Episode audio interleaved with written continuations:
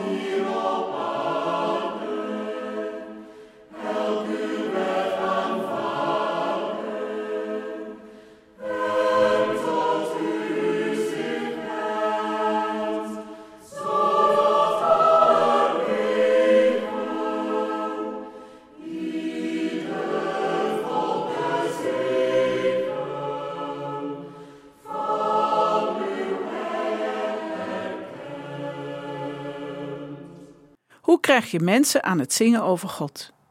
Wat zou helpen om ze daartoe te verleiden? Deze vraag is nog steeds heel actueel. De psalmist heeft er zo zijn eigen gedachten over. Hij heeft God daarbij nodig. Daar begint het mee.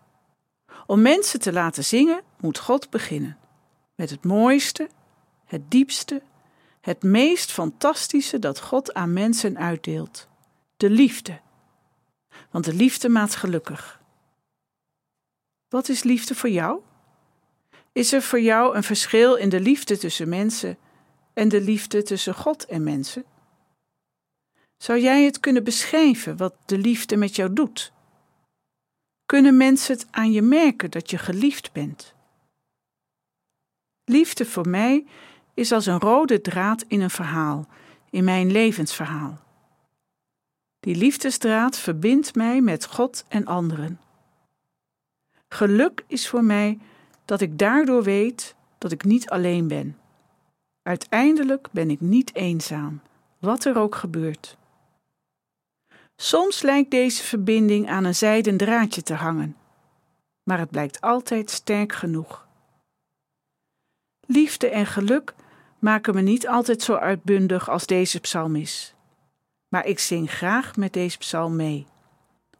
Omdat het me echt geweldig lijkt als mensen, alle mensen, Gods liefde opmerken en van dat bijzondere geluk beleven. Dat niet zomaar kan verdwijnen, maar jouw hele leven draagt.